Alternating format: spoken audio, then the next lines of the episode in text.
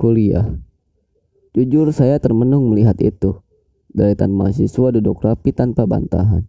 Potongan mereka hampir mirip. Tertempel di, di tembok atasnya barisan foto para guru besar. Padat gelar dengan muka lukisan yang dibuat berwibawa. Menjatuhkan pandangan pada kelas seperti sebuah titah. Diamlah maka kamu akan dapat pengetahuan. Seakan pengetahuan itu bisa menjelma dalam ruang yang sunyi, tak berisik dan tak bergerak. Lalu mahasiswa diperkenalkan dengan disiplin. Sebuah aturan ditegaskan. Masuklah dengan tertib, capailah nilai tertinggi mungkin dan berusaha berbusanalah yang sopan. Maka kuliah seperti pekerjaan pegawai dengan jam rutin dan hasil yang bisa diprediksi. Lazim kemudian situasi ini dengan sebutan latihan jadi kaum profesional. Tapi apakah memang begitu suasana kuliah, suasana kuliah itu? Masa di mana sebuah bangsa sedang menjemput mimpinya, masa di mana golongan mahasiswa mempunyai status istimewa elit baru yang tampil dengan cita-cita kemanusiaan. Mereka kebanyakan tinggal di asrama dengan tabiat yang unik. Biarlah Ben Anderson cerita tentang suasana asrama mahasiswa kala itu. Asrama itu merupakan tempat pelarian dari keluarga, menyediakan tempat tidur bagi mahasiswa yang terdampar di ibu kota atau yang sedang berkunjung ke sana di daerahnya. Merupakan forum bagi diskusi-diskusi intens dan agak tertutup dan menjadi sebuah pusat solidaritas. Macam opini di kalangan pelajar atau mahasiswa berkisar dari Marxisme yang lebih dogmatis yang dianut oleh orang-orang yang di kemudian hari menjadi anggota Partai Komunis Indonesia yang dibentuk kembali, sosialisme demokratis, dan berbagai aliran nasionalisme yang kadang-kadang ber berwarna otoriter. Suasananya pastilah gaduh dan penuh kejutan debat dan olah gagasan jadi sesuatu yang menggairahkan. Maklum, mungkin itu karena keadaan bangsa yang butuh gagasan dan sedang hadapi berbagai ancaman. Jepang berdiri sebagai imperium fasis yang siap untuk menangkap siapa pun yang dicuci, dicurigai. Banyak aktivis mahasiswa kemudian ditangkap dan beberapa dijatuhi hukuman mati. Lalu Belanda ya, yang dengan gemas juga ingin kembali merampok. Pada situasi suram itulah mahasiswa berdiri tidak dengan status fakultasnya tapi kesadaran umum sebagai golongan terdidik. Apa sesungguhnya komitmen mereka? Aforisme yang selalu digunakan Sah bisa jadi jendela untuk melihat ke, ke keresahan umum mereka. Satu-satunya sahabat revolusi adalah waktu. Revolusi berarti juga kesabaran. Revolusi adalah persiapan. Aforisme itu menyentuh kesadaran baru bahwa mahasiswa adalah penggerak sejarah. Meskipun kuliah mereka di kedokteran dan fakultas hukum, tapi keprihatinan mereka menyentuh soal kebangsaan dan kemanusiaan. Hinggap dalam suasana keyakinan itu mereka dihadapkan pada pilihan sempit takluk pada penguasa atau memilih untuk mengambil jalan sebagai patriot.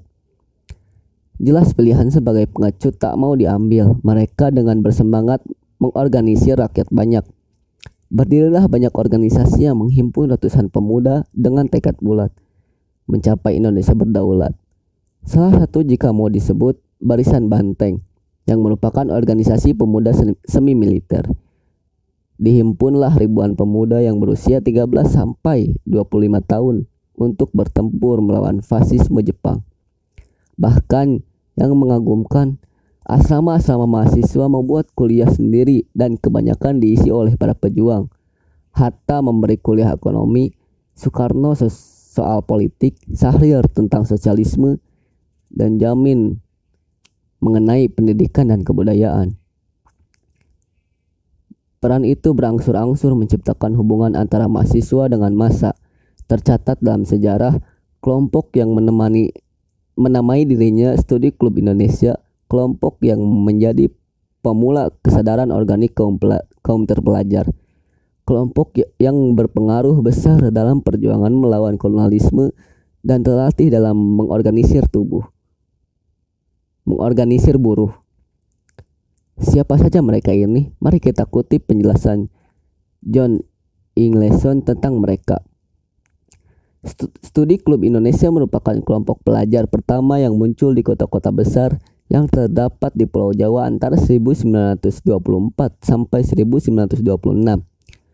Studi klub merupakan tempat perdebatan politik utama pada masa perkembangan pesat dalam sejarah nasionalisme Indonesia. Semua kelompok pelajar yang ada memusatkan pergerakan mereka pada politik anti kolonialisme. Mereka banyak mengadakan ceramah dan kursus, baik studi klub Surabaya maupun Bandung sama-sama menerbitkan majalah yang membahas isu-isu hangat. Bukan hanya isu yang berkembang di Indonesia, tetapi juga pergolakan anti penjajah yang sedang berkembang di Asia. Mereka ikut berperan dalam menolong para pekerja yang melakukan pemogokan. Mereka memberikan analisis mendetail mengenai pemogokan terbesar di hasil wawancara ekstensif dengan pelaku pemogokan. Mereka juga mengor mengorganisir ceramah dan kursus membaca pada buruh. Kisah yang mengagumkan dari sebuah studi klub.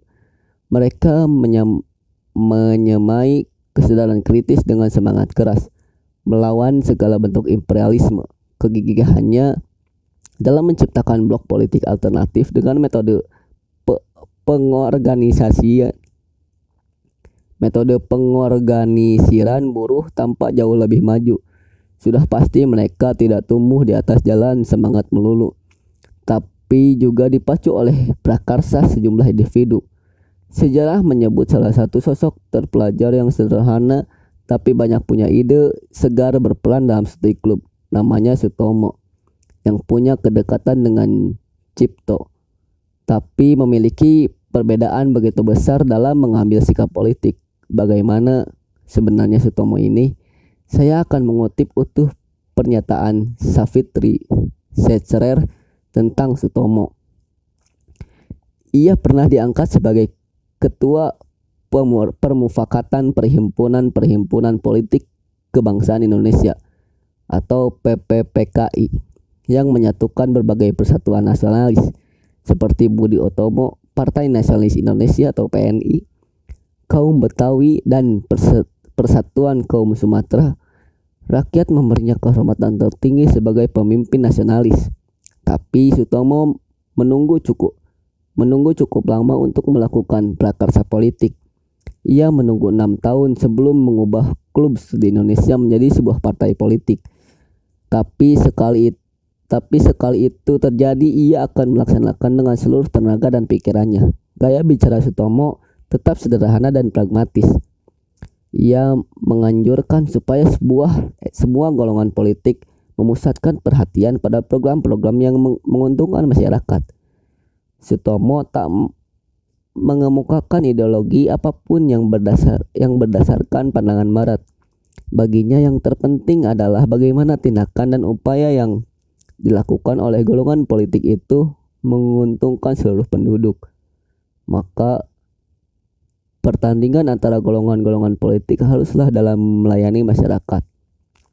Ia menulis, marilah kita bertanding untuk mengabdi pada tanah air tanpa alasan-alasan yang tersembunyi, dengan membuktikan kemampuan dan kejujuran diri sendiri. Karena perannya, gelombang kesadaran politik rakyat tumbuh. Seorang sarjana yang kecintaannya pada rakyat ditumbuhkan melalui karya kemanusiaan Mungkin mereka tidak radikal seperti Cipto, tapi keyakinannya tergolong maju dan jam, pada zaman itu. Masa di mana kekuatan imperialisme dan kesadaran nasionalisme saling berbenturan.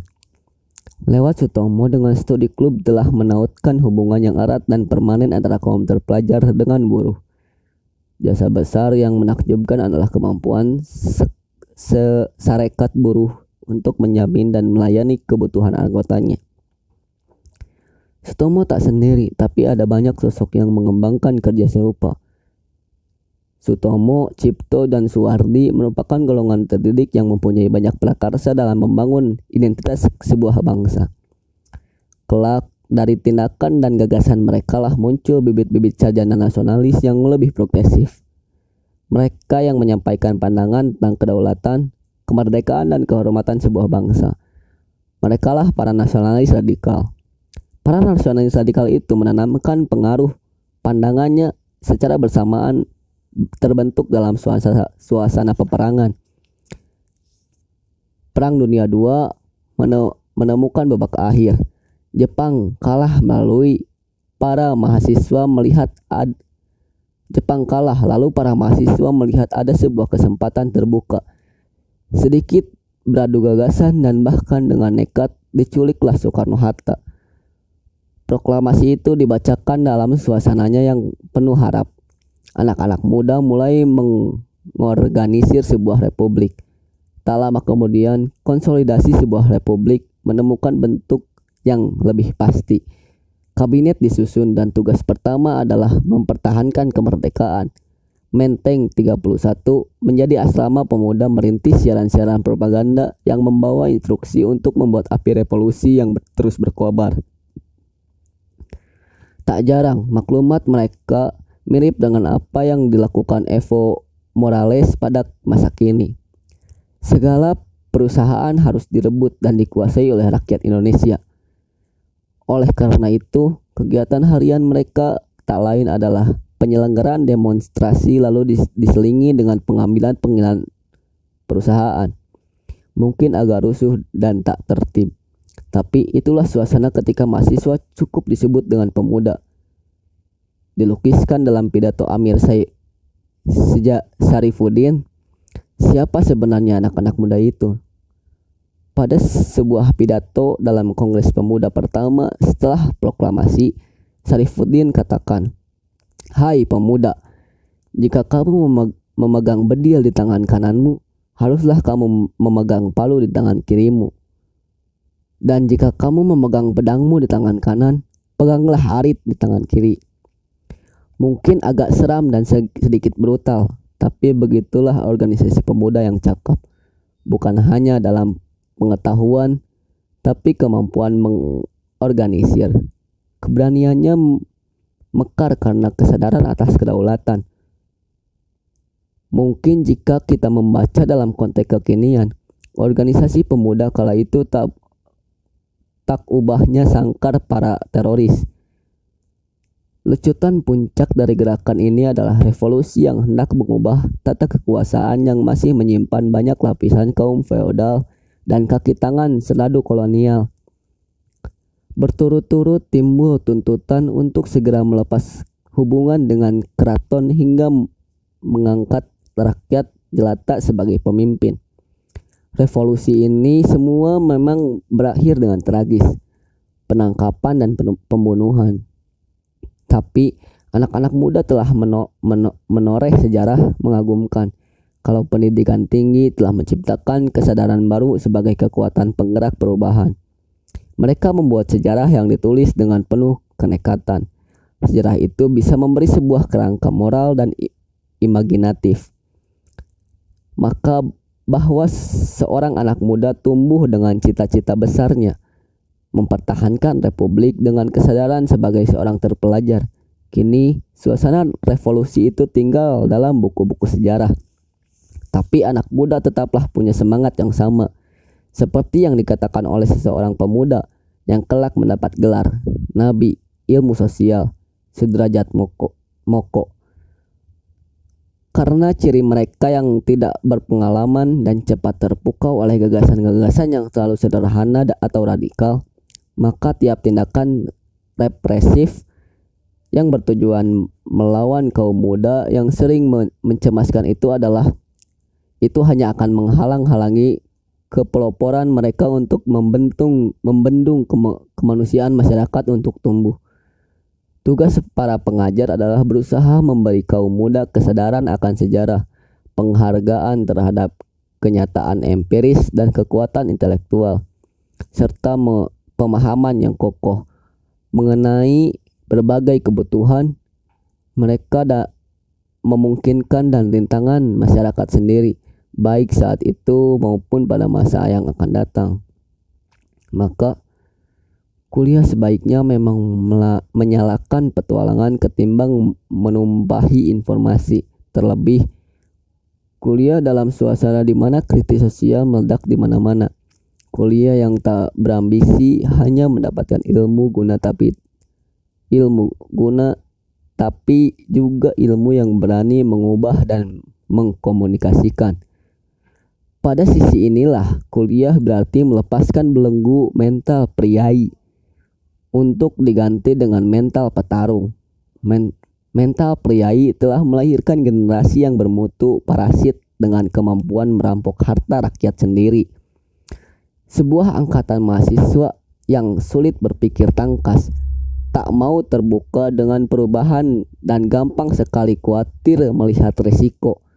Sebuah angkatan yang tidak luwes dalam menghadapi tantangan hingga mudah sekali melacurkan harga dirinya.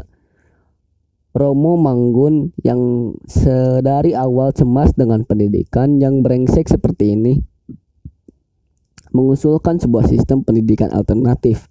Baginya, Pendidikan itu selalu ber, berciri melindungi dan memekarkan harga diri, kepercayaan diri. Tak perlu tak perlu mahasiswa berjiwa takut dan minder. Latih mereka agar tahu perbedaan besar antara memiliki kepribadian dan sifat egois yang besar. Berbeda bedakan antara sikap toleran dengan mengekor pada gerombolan. Mahasiswa perlu dilatih untuk suka bertanya karena manusia yang bertanya jauh lebih tinggi tingkatnya daripada menjawab pertanyaan-pertanyaan yang susah yang sudah ada.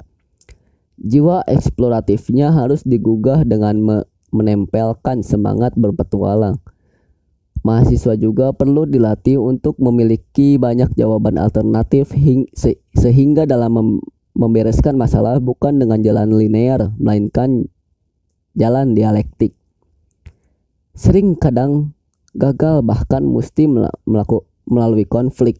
Itu sebabnya melatih pikiran terbuka sehingga jiwa fantat, fan, fantasis dan imajinasinya tumbuh hingga memba, membawanya dalam komunikasi yang tak meni, yang tidak mementingkan diri sendiri. Begitu yang membuatnya akan memilih untuk berorganisasi. Tapi jika meraba dalam suasana kampus saat ini mungkin ada kegemaran. Anak-anak muda itu tak dilatih kecakapan tapi keterampilan mekanik. Namun, bukankah ada banyak kesempatan yang terhil yang terhidang luas? Tak lagi mahasiswa berurusan dengan soal-soal mata kuliah saja, tapi juga ada yang memilih untuk mengurus soal pence pencemaran lingkungan hingga tersingkirnya kaum miskin.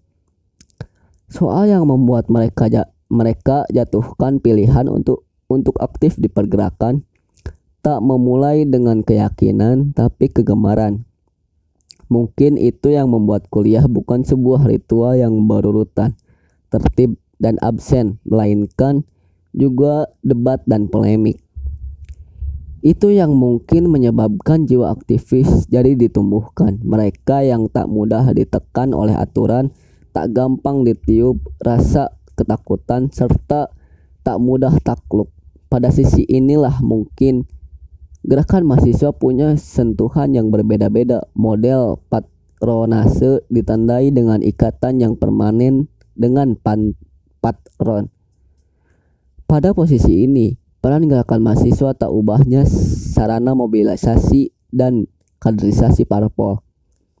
Tuntutannya hampir saja membatasi diri pada kepentingan populis partai dan tak mungkin untuk mengemban proyek-proyek idealis sebagai pokok harapan.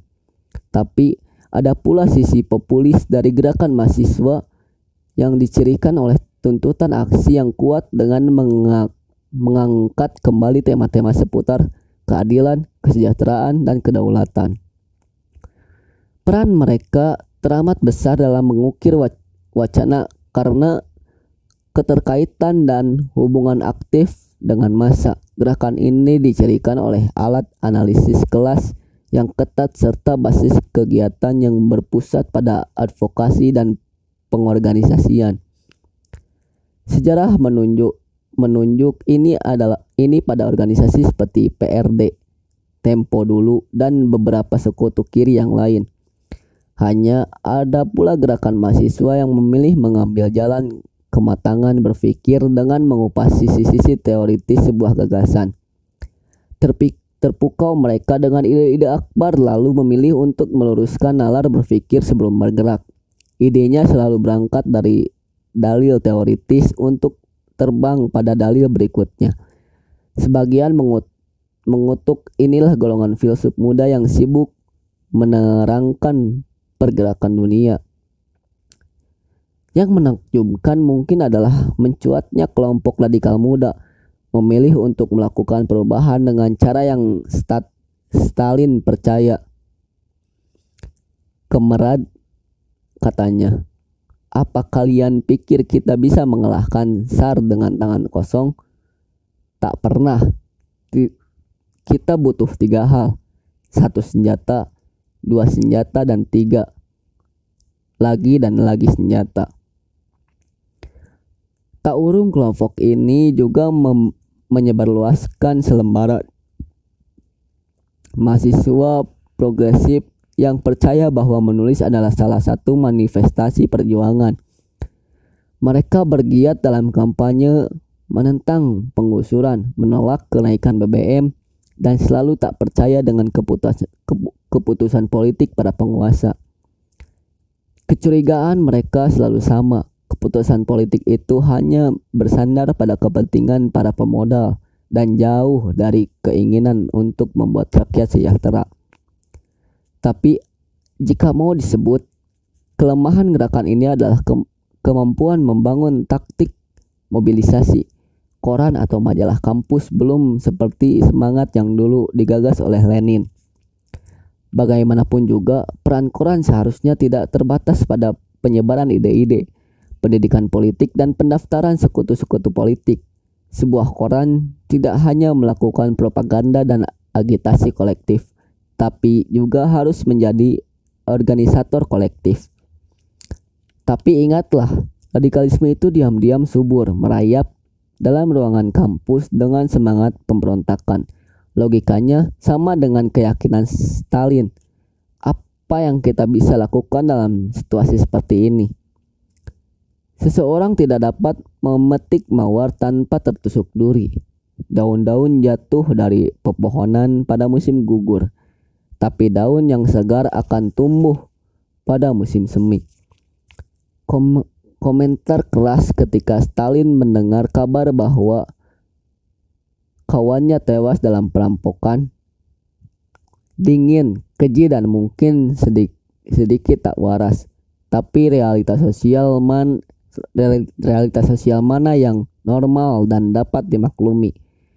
Sisi yang tak bisa dipu dipuaskan hanya oleh teori dan debat.